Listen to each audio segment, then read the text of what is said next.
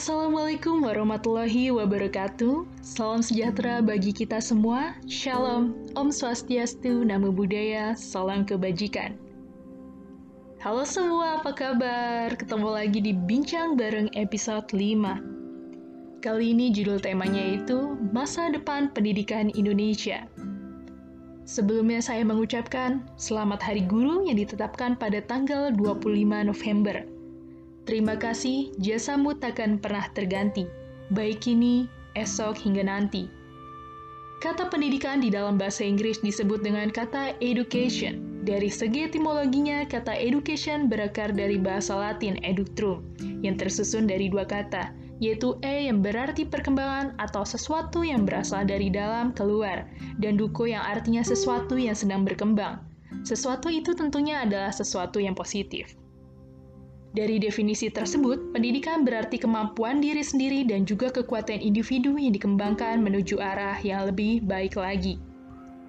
Menurut Kamus Besar Bahasa Indonesia atau KBBI, pengertian pendidikan yaitu sebuah proses pembelajaran bagi setiap individu untuk mencapai pengetahuan dan pemahaman yang lebih tinggi mengenai objek tertentu dan spesifik. Pengetahuan yang diperoleh secara formal tersebut berakibat pada setiap individu yaitu memiliki pola pikir, perilaku, dan akhlak yang sesuai dengan pendidikan yang diperolehnya. Baik, mengusung tema Hari Guru Nasional jadi khusus tamu bincang bareng saya kali ini yaitu perkenalkan guru SMA saya, guru bahasa Indonesia, Bapak Wahyu Nugroho. Halo Bapak. Halo Amal, apa kabar? Harusnya saya duluan Pak ya, apa kabar? Alhamdulillah, gitu. kalau saya baik Pak. Bapak gimana? Bapak gimana Pak? Ya, ya. Halo? Iya Pak, halo. Ya, Apa kabar Pak? Alhamdulillah sehat. Kamu apa kabar? Alhamdulillah sehat juga Pak. Wah hari ini saya sangat-sangat uh, ter, uh, terhormat sekali ya bisa bincang bareng bareng Bapak Cia. biasanya kita tuh eh biasanya kita lewat chat juga ya Pak ngobrol-ngobrol gitu ya Pak diskusi gitu ya. ini jadi cerita kecil-kecil dulu nih Pak sebelum memulai gitu. Oke Pak. Iya, saya juga eh, saya juga senang diajak ngobrol-ngobrol gitu. Biasa kita berbeda apa ya bahasnya lewat chat. Saya juga jadi paham apa sih yang anak sekarang alami dari kamu gitu ya. Kekinian yang apa yang dibutuhkan anak-anak sekarang kayak gitu. Saya jadi kelinci percobaan dong berarti. Eh, Informan lebih tepatnya. Waduh, nih uh, hai guys, jadi uh, saya memberikan alasan kenapa saya memilih Bapak Wahyu di antara banyak guru-guru saya. Ya semuanya pasti sama, cuman Pak Wahyu ini khusus banget, nggak tahu kenapa kayak selalu nyambung aja gitu. Kayak ada koneksi gitu, ada getaran-getaran gitu. Se- Sefrekuensi juga tentunya. Oke oke waduh waduh semoga getaran yang positif ya. Amin. Oke Pak, langsung aja ya Pak, langsung ke pertanyaan. Oke, yang pertama, pendidikan adalah hak setiap warga negara. Pendidikan merupakan salah satu unsur terpenting dalam pembangunan, karena kesuksesan sebuah pembangunan akan bergantung pada sumber daya manusia yang dimiliki. Nah, menurut Bapak, bagaimana pendidikan di Indonesia saat ini, Pak? Oke baik ini sebenarnya tema yang sangat menarik gitu. Saya selaku apa ya orang yang berkecimpung langsung di dunia pendidikan kebetulan sudah tidak berasa 11 tahun saya eh, di dunia pendidikan. Eh, saya sudah saya pekerjaan utama saya di pendidikan formal guru SMA tapi saya juga pernah eh, berkecimpung di dunia pendidikan eh, non formal yaitu di kelompok belajar paket C setara SMA berbicara tentang pendidikan sekarang ini hal yang kompleks, hal yang luas karena pendidikan di Indonesia itu kita berbicara pendidikan di Indonesia itu sesu- sebuah hal yang dinamis ya, sebuah hal yang eh, selalu mengikuti perkembangan zaman. Eh, mungkin ada unsur politisnya, ke perkembangan ekonomi, globalisasi, teknologi itu sebuah hal yang dipengaruhi oleh banyak unsur itu pendidikan kalau kita berbicara eh, tentang pendidikan di Indonesia, saya bisa menggambarkan eh, sebenarnya pendidikan di Indonesia itu seperti orang mau lari lari cepat, tapi dia dalam dalam tahapan dalam tahapan siap-siap gitu, sedang menyiapkan diri untuk berlari dengan kencang itu sedang uh, seperti orang yang sedang pemanasan gitu pemanasan bersiap siaga sebentar lagi akan lari kencang. Kalau saya mengibaratkannya seperti itu sehingga di tahapan sekarang itu uh, semua unsur yang terlibat dalam pendidikan itu harus mengupdate diri harus betul-betul melihat apa ya perkembangan-perkembangan yang terjadi di dunia ini sehingga kita tidak tertinggal. Menurut saya seperti itu. Kalau kita uh, berbicara apakah rakyat Indonesia sudah melek pendidikan menurut saya sudah berbeda dari masa yang lalu ya. Di orang-orang sekarang remaja-remaja sekarang saya rasa lebih melek pendidikan terbukti selain di pendidikan formal pendidikan non formal juga banyak diminati oleh uh, mereka yang generasi muda yang memiliki keterbatasan misalkan di usia sekolah tapi ternyata mereka harus bekerja sehingga mereka bisa mencari ilmu di pendidikan non formal hanya saja mungkin sedikit yang harus dikencangkan oleh anak-anak sekarang adalah motivasi dari dalam diri eh, semangat untuk belajar semangat untuk merasa bahwa saya membutuhkan pendidikan bahwa pendidikan bukan sekadar perintah orang tua atau kewajiban yang harus digugurkan ini yang kadang uh, menarik malu untuk dibahas. Kadang uh, seperti uh, orang tua atau guru yang membutuhkan pendidikan itu. Padahal remaja sendiri, anak-anak sendiri yang membutuh, yang sebenarnya mereka butuh ilmu, butuh pendidikan, tapi kadang hal tersebut seperti kurang terlihat dalam diri mereka ya. Melihat motivasi melihat semangat mereka dalam dalam belajar dalam mencari ilmu dalam memasuki dunia pendidikan ini. Padahal umur-umur mencari ilmu ini umur-umur yang sedang gemilang luar biasa harusnya dimanfaatkan sebaik mungkin untuk untuk mencari ilmu begitu. Kalau uh, saya mungkin uh, apa yang saya sampaikan ini uh, hal yang saya alami kalau saya berbicara apa itu pendidikan kemudian pendidikan di Indonesia secara teroris teoretis maaf secara hmm. kebijakan itu mungkin uh, belum luas ke sana ya. Saya saya lebih menyoroti apa yang saya alami uh, apa yang saya lihat selama ini kemudian kondisi-kondisi real di masyarakat kurang lebih seperti itu malah Hmm, baik Pak, benar sekali sebenarnya saya juga setuju. Iyalah, setuju-setuju aja. Kayak setiap yang Bapak omongin saya setuju gitu dari SMA. Oke Pak, lanjut ke... Karena kita satu frekuensi gitu. Oh, benar sekali Pak. Nyambung gitu. Oke Pak, langsung ke pertanyaan kedua. Oke. Di masa sekarang, pendidikan literasi gencar dilakukan oleh para praktisi pendidikan untuk mencetak individu yang tidak hanya cerdas dalam bidang akademik, namun juga memiliki pola pikir kritis dan logis. Nah, menurut Bapak, apakah pendidikan literasi itu penting dan mengapa?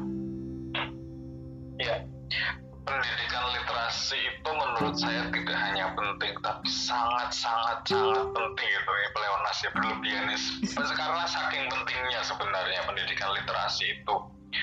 Uh, mungkin karena pengaruh kemajuan zaman ya pengaruh kemajuan zaman kemudahan media banyak godaan yang yang muncul untuk anak-anak sekarang tinggal literasi itu menjadi sesuatu yang apa ya sangat dibutuhkan gitu. Anak-anak kadang memandang bahwa literasi itu hanya kegiatan membaca buku yang membosankan. Kadang dimaknai seperti itu. Literasi sebenarnya maknanya sangat luas. Uh, amal misalkan melihat berbagai media sosial, melihat Instagram, melihat Twitter, kemudian membaca informasi di sana itu sudah termasuk kegiatan literasi. Ketika kita di jalan, melihat slogan poster imbauan-imbauan misalkan memakai masker dan sebagainya itu juga sebuah literasi. Atau kita mendengarkan misalkan ada orang lain mendengarkan obrolan kita ini ini juga termasuk literasi itu sebenarnya. Nah di mana letak pentingnya literasi ibarat kita makan coba coba kalau kita tidak makan nah yang terjadi di badan kita adalah lemes. Kita tidak punya energi. Itulah literasi. Literasi adalah makanan untuk otak makanan untuk jiwa kita gitu. Uh, saya beragama Islam ayat pertama yang turun bahkan ikro ya bahwa Allah itu pemerintah perintah pertama pun membaca gitu. Bacalah itu. Bacalah itu. Kalau dalam bahasa Indonesia itu kan kalimat perintah yang halus itu. Bacalah gitu bahwa ternyata membaca ini memiliki sebuah rahasia yang besar gitu. Sebuah rahasia yang besar. Sebuah kebermanfaatan. Mungkin ini sangat apa ya normatif orang mengatakan membaca jendela dunia dengan membaca dapat informasi. Tapi itulah realitanya. Dan yang terjadi dalam pendidikan literasi sejauh ini menurut saya bahwa pendidikan literasi hanya sebagai sebuah program, sebuah formalitas gitu. Anak-anak sekarang belum memanfaatkan ini dengan baik. Misalkan saya membuat jadwal kebetulan di sekolah membuat jadwal pembelajaran 15 menit sebelum pembelajaran itu digunakan untuk literasi. Seharusnya anak-anak betul-betul memanfaatkan momen ini, waktu 15 menit ini untuk membaca, misalkan mengupdate hari ini berita terbaru apa sih? Atau hari ini yang sedang jadi trending topik apa sih? Atau kejadian di lingkungan sekitar yang uh, berdampak sosialnya luas apa sih yang sedang terjadi? Hal-hal itulah yang sebenarnya selain menambah ilmu selain menambah wawasan akan apa ya melatih kepekaan hati pikiran seseorang terhadap sebuah hal gitu ya. Misalkan memunculkan rasa empati dan sebagainya. Itu yang sebenarnya manfaat literasi yang begitu besar di sana. Uh, beberapa waktu lalu di sekolah saya ada namanya simulasi AKM yaitu assessment kompetensi minimum. Simulasi AKM ini menitik beratkan pada kemampuan literasi dan numerasi, numerasi para peserta didik ya ketika selesai simulasi saya bertanya kepada anak-anak yang ada lima anak terpilih yang uh, dipilih untuk mengikuti simulasi ini. Jawaban mereka adalah susah gitu. Bacaannya panjang-panjang. Baca waktu habis waktu tidak cukup waktu kurang dan sebagainya gitu. Ketika saya melihat soal-soal AKM itu yang muncul adalah soal teks beberapa teks dibandingkan. Nah, sebenarnya kemampuan-kemampuan seperti itu kan bukan kemampuan yang instan, kemampuan yang dipupuk sejak dini. Ketika kita sudah sering membaca, kita rajin membaca, maka kemampuan itu akan muncul dengan sendirinya, akan terasa dengan sendirinya, itu berbeda dengan kemampuan yang lain. Itulah literasi.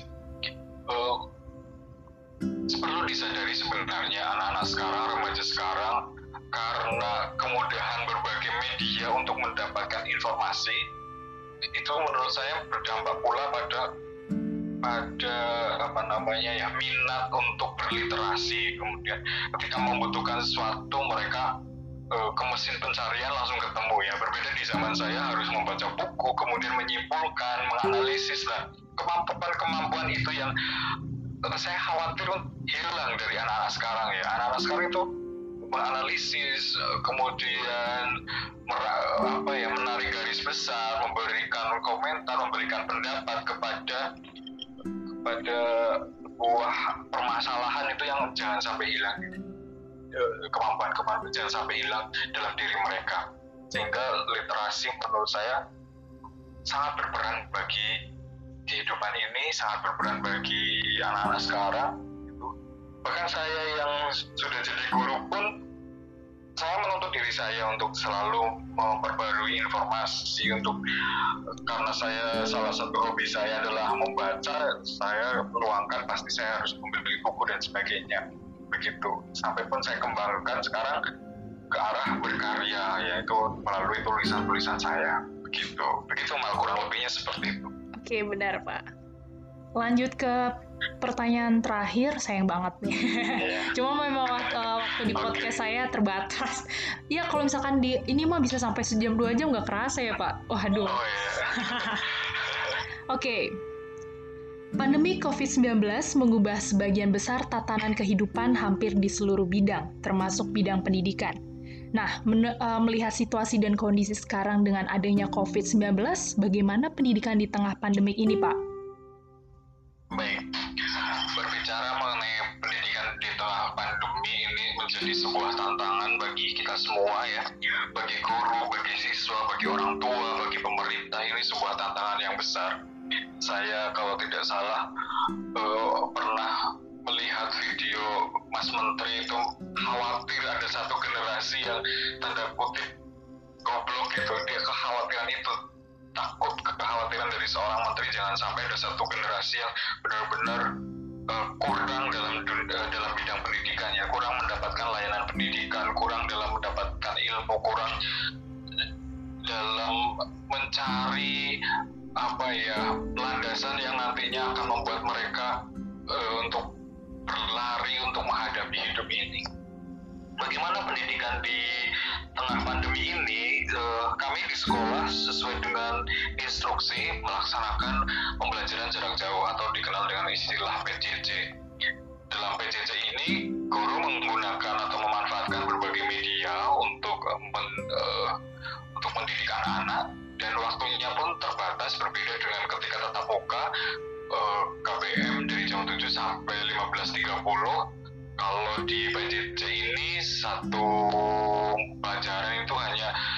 sampai 60 menit uh, tantangan berbagai tantangan tentu saja muncul ya kalau dari diri guru sendiri yang uh, saya dan teman-teman alami terkadang satu kami itu harus mengupdate kemampuan kami dalam pemanfaatan media. Kemudian kami dituntut untuk kreatif. Bagaimana membuat anak-anak memahami materi, anak-anak untuk semangat belajar. Memahami materi kami harus bagaimana caranya membuat media, membuat video, membuat rekaman suara, membuat PowerPoint misalnya, hal-hal yang uh, sebisa mungkin memudahkan anak-anak untuk memahami uh, materi-materi pembelajaran. Kemudian hal yang paling sulit adalah bagaimana memupuk semangat anak-anak. Ini yang kadang menjadi apa ya dalam tanda kutip membuat bapak ibu guru menarik napas panjang gitu mengelus dada. Ketika proses PJJ ada siswa-siswa yang hilang begitu saja tidak tidak uh, tidak memiliki semangat bahwa dia sedang sekolah tapi kondisinya dia sekolah di rumah gitu. Kadang hanya presensi kemudian hilang hanya menjawab salam dari guru kemudian menghilang. Itu yang hal-hal itu yang semangat motivasi anak-anak yang menurut kami harus ditingkatkan. Kami sebagai guru itu sudah berusaha semaksimal mungkin. Toh di tengah pandemi ini kami juga tidak menuntut hal yang seperti ketika situasi normal itu kepada para peserta didik. Ketika mereka membutuhkan remedial kami layani. Ketika mereka uh, ketinggalan hal sesuatu hal misalkan ketinggalan penilaian dan sebagainya kami layani. Nah, dan mereka kan kemudahan akses untuk mengulang materi, untuk mencari materi dari berbagai sumber itu luar biasa gitu. Uh, tapi yang terjadi di sini uh, kasus kasus-kasus yang terjadi adalah adanya siswa-siswa yang kehilangan semangat untuk belajar gitu. Hal unik amal yang muncul adalah sering kali anak-anak memilih alasan memiliki alasan yang tidak logis ketika mereka tidak mengikuti pembelajaran jarak jauh. Alasan yang paling banyak muncul tidak hanya di sekolah saya, ketika saya ngobrol dengan guru dari sekolah lain, alasannya itu sama, yaitu membantu orang tua gitu. Sangat disayangkan kalimat membantu orang tua itu dijadikan alasan mereka tidak mengikuti PJJ. Itu hal yang uh, sebenarnya disayangkan gitu. Membantu orang tua itu kan saya yakin bapak ibu orang tua wali peserta didik itu paham. Jam-jam belajar anaknya ini waktu-waktunya sekolah saya yakin ketika mereka akan menyuruh anaknya untuk membantu pun akan melihat kondisi dan melihat jam belajar anak. Tetapi hal-hal seperti inilah di, dimanfaatkan oleh uh, anak-anak kemudian kendala-kendala teknis yang lain seperti sinyal kadang ada daerah-daerah yang susah sinyal harus ke ada anak cerita itu harus ke sawah dulu untuk mengirim tugas dan sebagainya. Kalau untuk masalah kuota dan sebagainya semenjak ada bantuan dari pemerintah itu sangat membantu. Anak-anak sudah sangat terbantu dengan kuota dari pemerintah. Sebelum ada bantuan kuota pun di sekolah kami sudah memberikan bantuan kuota untuk para peserta didik secara periodik dalam setiap bulannya. Kurang lebih seperti itu, Mak. Hmm, iya Pak. Oke, ini udah di penghujung uh, bincang bareng. Ini ya udah ada harapan, doa, dan cita-cita untuk pendidikan Indonesia yang lebih baik. Silakan Bapak. Oke, untuk harapan, doa, dan cita-cita untuk pendidikan Indonesia lebih baik, harapan kami adalah uh, khususnya saya harapan saya adalah dalam diri anak-anak Indonesia sekarang ini haruslah muncul sebuah motivasi, sebuah semangat untuk bangkit. Mereka tidak boleh terlena terhadap tantangan zaman gitu, tantangan teknologi. Jangan sampai mereka dikendalikan oleh teknologi. Mungkin mereka tidak sadar secara emosional, kemudian secara apa ya, uh, secara psikis mereka dikendalikan oleh teknologi. Justru kita lah yang harus mengendalikan teknologi. Jangan mau dibuai oleh uh, teknologi yang justru malah menghambat kita untuk maju. Teknologi itu atau kemajuan ilmu pengetahuan itu jadikanlah dasar landasan agar kita maju, agar kita lebih baik. Hal kecil saja yang kami uh, yang saya harapkan yaitu munculnya motivasi, munculnya semangat belajar dari anak-anak Indonesia Kemudian anak-anak sekarang kami itu seperti tamu sebenarnya. Anak-anak sekarang kan anak-anak yang lebih menguasai teknologi, sedangkan kami para guru itu adalah orang-orang yang harus terus belajar mengupdate diri terhadap ke eh, kemajuan zaman itu. Sehingga saya seperti kami itu seperti tamu di dunia mereka.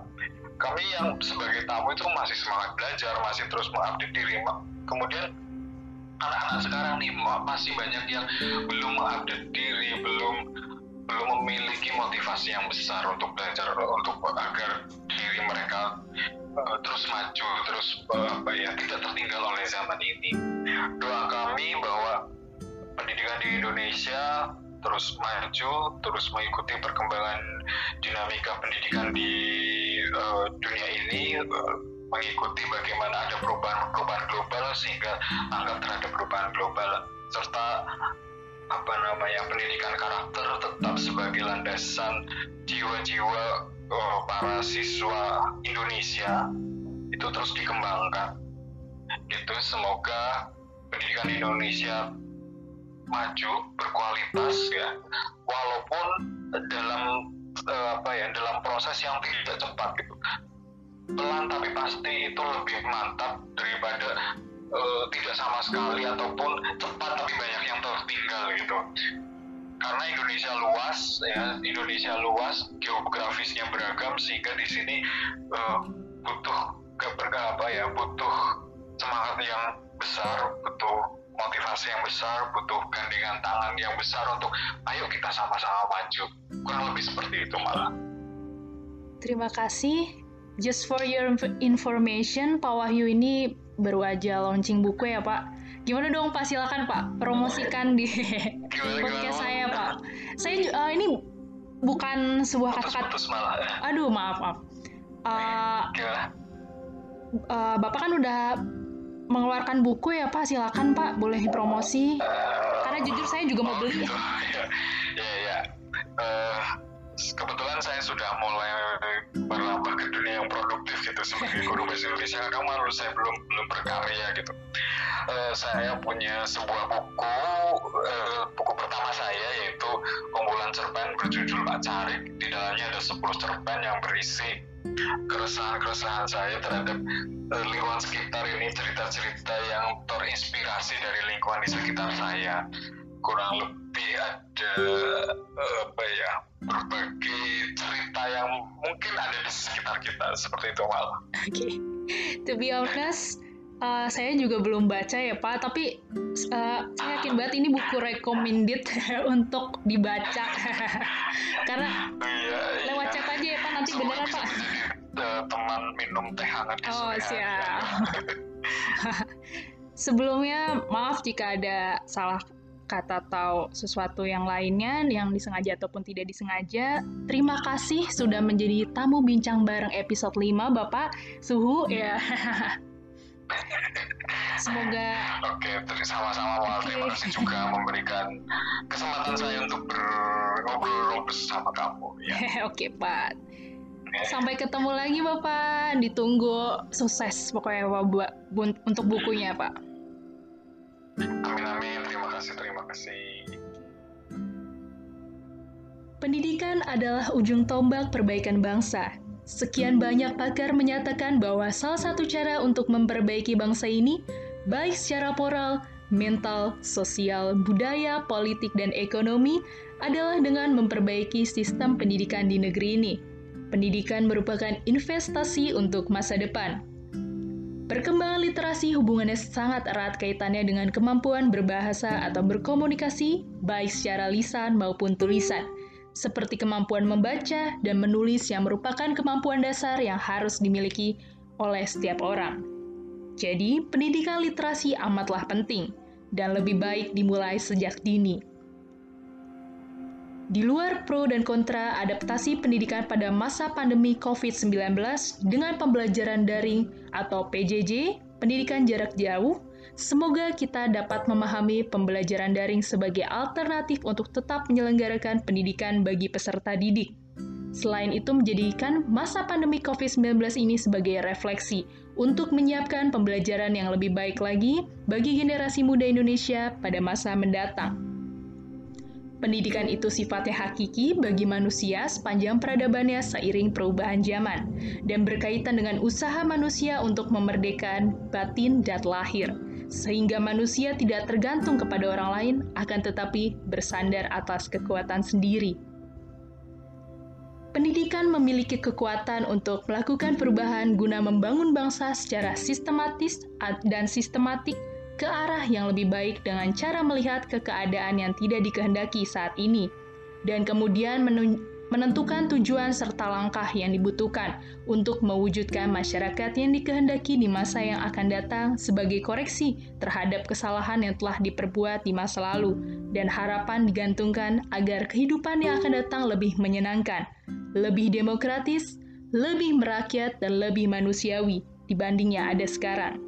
Dewantara 1 2004, sekaligus menjadi ultimate goal pendidikan Ki Hajar Dewantara, yaitu Hamemayu Hayuning Menungso. Semoga bincang bareng episode 5, episode sebelumnya, dan episode seterusnya yang akan datang bisa bermanfaat untuk kita semua. Semoga segalanya membaik, semoga pandemik berakhir, semoga kita selalu sehat dan bahagia. Maaf jika ada salah kata yang disengaja ataupun tidak disengaja. Sekali lagi saya ucapkan kepada Bapak Wahyu terima kasih sudah menjadi tamu bincang bareng episode 5 dan tentunya terima kasih juga untuk pendengar setia saya. Terima kasih. Sampai jumpa di episode selanjutnya. See ya!